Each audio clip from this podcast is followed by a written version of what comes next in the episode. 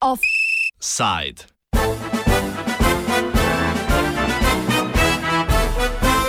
Zakonodajni ne referendum.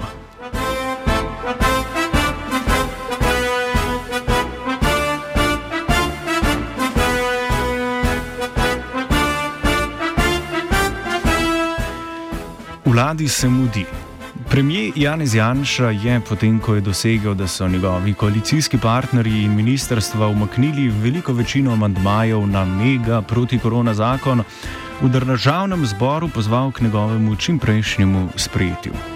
Zakon bo veljal retroaktivno, a kot povdarja Janša, lovimo roke, opozicija pa je pri tem samo ovira. Po principu lahko čemo, predsednik vlade povdarja, da bodo vse nepravilnosti in nepravičnosti iz tega prvega paketa pomoči gospodarstvu in ljudem odpravljene v drugem in tretjem paketu, ki sta že v pripravi. Če državni zbor ne bo poslušen, je Janša mimo grede povdaril, da ustava pozna alternative temu načinu vladanja med razmerami, v katerih so se znašli Slovenija, Evropa in v svet. Seveda tudi ni šlo brez omembe 91, vojna pa vsekakor opravičuje sredstva.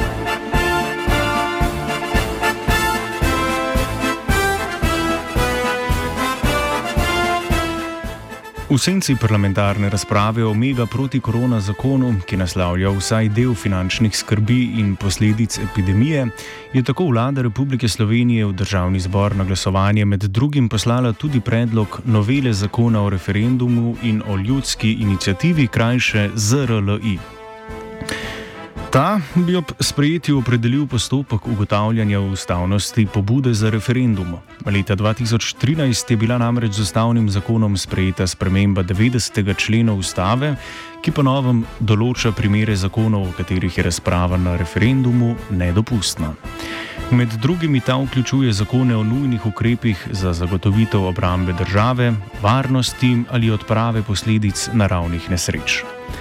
Med to vrstne zakone je državni zbor leta 2015 uvrstil zakon o obrambi, natančneje 37a člen, ki so ga poslanci podprli, predlog o referendumu, za katerega je podpise zbiral Radio Student, pa je bil zavrnjen. Ustavno sodišče je na to pritrdilo, da poteza DZ-ja ni bila v neskladju z ustavo.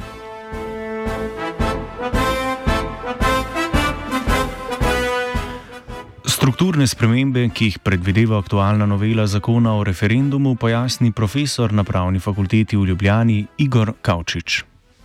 Glede te novele mora biti potrebno eh, povedati nekaj zgodovinskih podatkov, ki so ključni in sicer leta 2013 je bila spremenjena ustava, ki v 90. členu ureja zakonodajni referendum eh, in ena izmed novosti, bilo jih je več, pa je v tem, da za štiri skupine zakonov po novem, torej od leta 2013, ni več dopuščen referendum.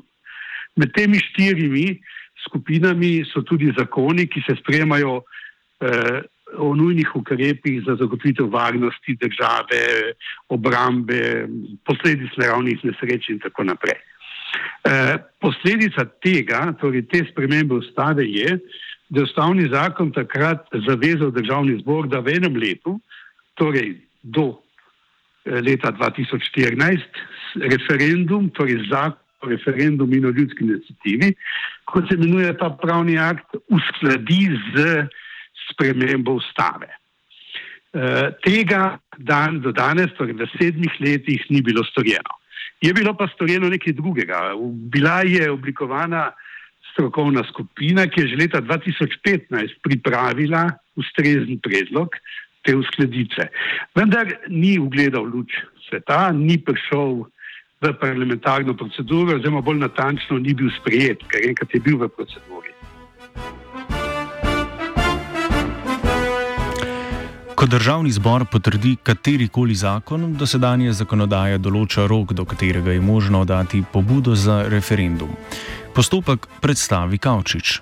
Doslej je za vse zakone, tiste, ki so nujni, pa navadni, kot jim pravimo v stroki, Skratka, za vse zakone veljal isti postopek. To pomeni, da je imel državni zbor pravico veta, da so voljivci lahko predlagali referendum, potem, kot veste, je bilo me, čez 35 dni, če sem natančen, na voljo za zbiranje podpisov.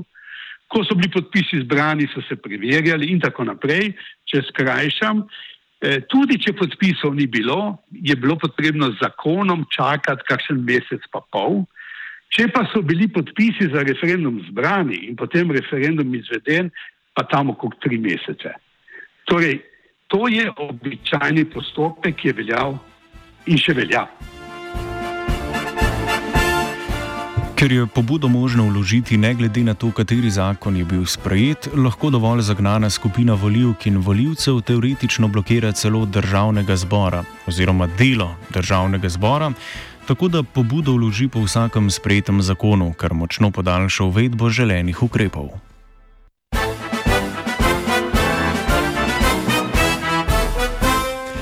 Nekaj podobnega se je dogajalo leta 2016, ko je civilna inicijativa Apache, v katero so bili povezani delavci imigranti, na ta način dosegla za več kot mesec dni kasnejše sprejetje zakona o medijih. Tega niso storili, ker bi želeli vplivati na dotični zakon, temveč v odgovor na po njihovem mnenju previsoke odločbe o doplačilu dohodnine, ki jih je finančna uprava poslala nekaterim članom inicijative. Medtem ko vlada novelo opravičuje z izogibom, oziroma tako je.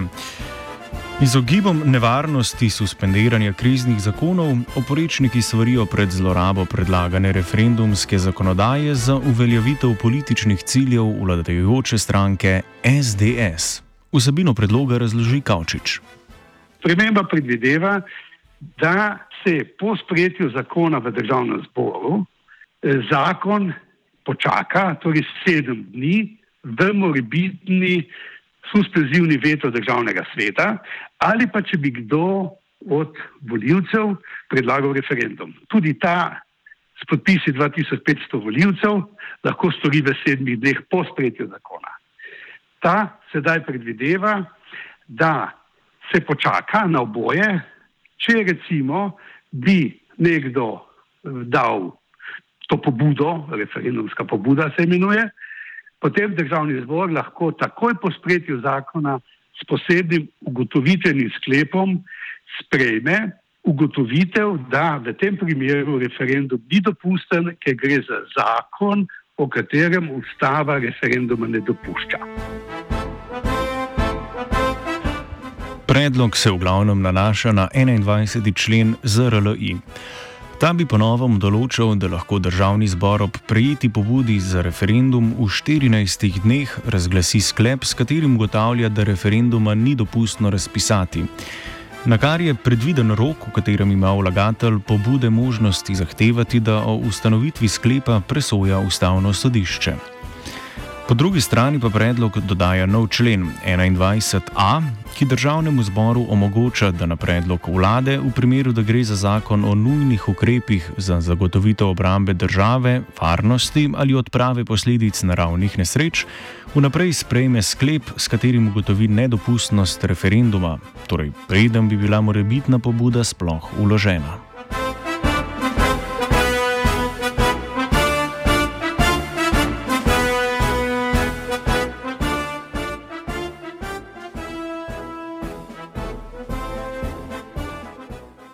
Ko državni zbor ugotovi, da v tem zakonu ni referendum, ta zakon gre v razglasitev in uveljavitev in velja.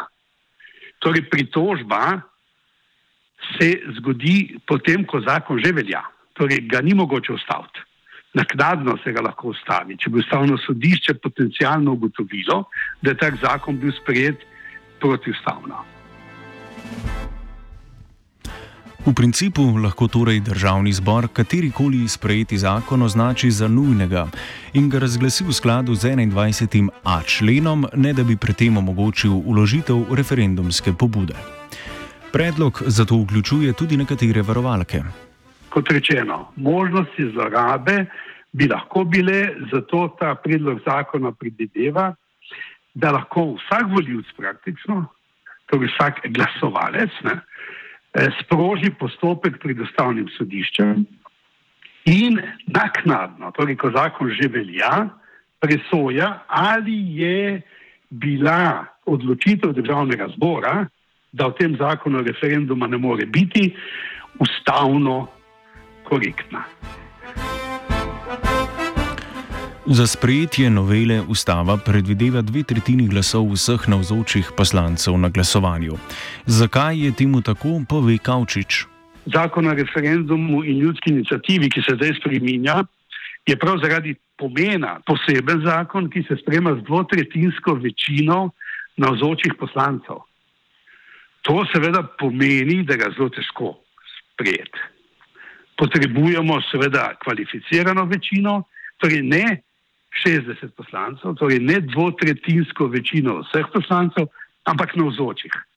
Ker pri tako pomembnem zakonu, ko pridejo vsi na glasovanja, pa skoraj vsi, je to zelo zahtevna večina. Prav zaradi tega, ne, ker se predpisujejo res izjemni posegi v, v človekove pravice, ne, v pravice voljivcev do referenduma, zato je ustava za ta zakon predpisala res zahtevno večino. Tako da to preprečuje, da bi neka vsakokratna oblast si ta zakon prikrojila svojim potrebam. Spodobi se in pravično je, da za konec današnjega offsajda besedo ponudimo še slovenskemu kovaču ljudskih inicijativ, ki mogoče najbolj resno jemlje ustavno pravico do referendumske pobude. Viliju Kovačiču je kar dvakrat uspelo zbrati dovolj podpisov za razpis referenduma, celo o istem vprašanju. Glede spremembe zakonodaje o referendumu ljudski inicijativi, sem že zdavnaj upozorjal, da sklep ustavnega sodišča sploh ni realiziran, ker se je referendumska kampanja izkazala kot neustavna ureditev že z razveljavitvijo referenduma leta 2017 in potem ponovitvijo leta 2018. Državni zbor ni o tem rekel niti besede. Zdaj, če se gre samo na ta del, kar se pa tiče kriznega zakona, ne, to se razstrenja, da se v tem referendumu ne, ne dela ne dela, ampak mora biti pa točno povedano, zakaj se ne dela, v kakšnih uh, pogojih. Referendum kot inštitucija je pri nas praktično uničen, vam povem. Za spremembami leta 2013, ko smo uzakonili tako zvani rezultatski kvorum, 10%, tega ne more nišče doseči od državljanov. To lahko doseže samo politika, sindikati, mafija in cel. Drugi nik, nik, nik, nikoli. Za časa osamitve proti širjenju virusa referendumov zagotovo ne bo.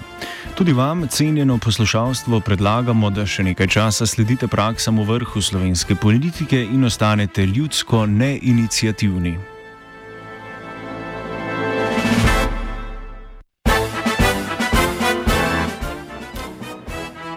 Podpise za razpis offseda sta zbrala Virant in vajenec Andrej. Na takšno in podobno vprašanje sem že veliko krat odgovarjal. E, ta opcija e, je, bi bila realna ali pa je teoretično realna šele takrat, ko obstaja predmet, ki je lahko e, vprašanje na referendumu. V tem trenutku te opcije ni. Poslušate radio študent. Politični axiom številka ena. Vedno je kriv drugi,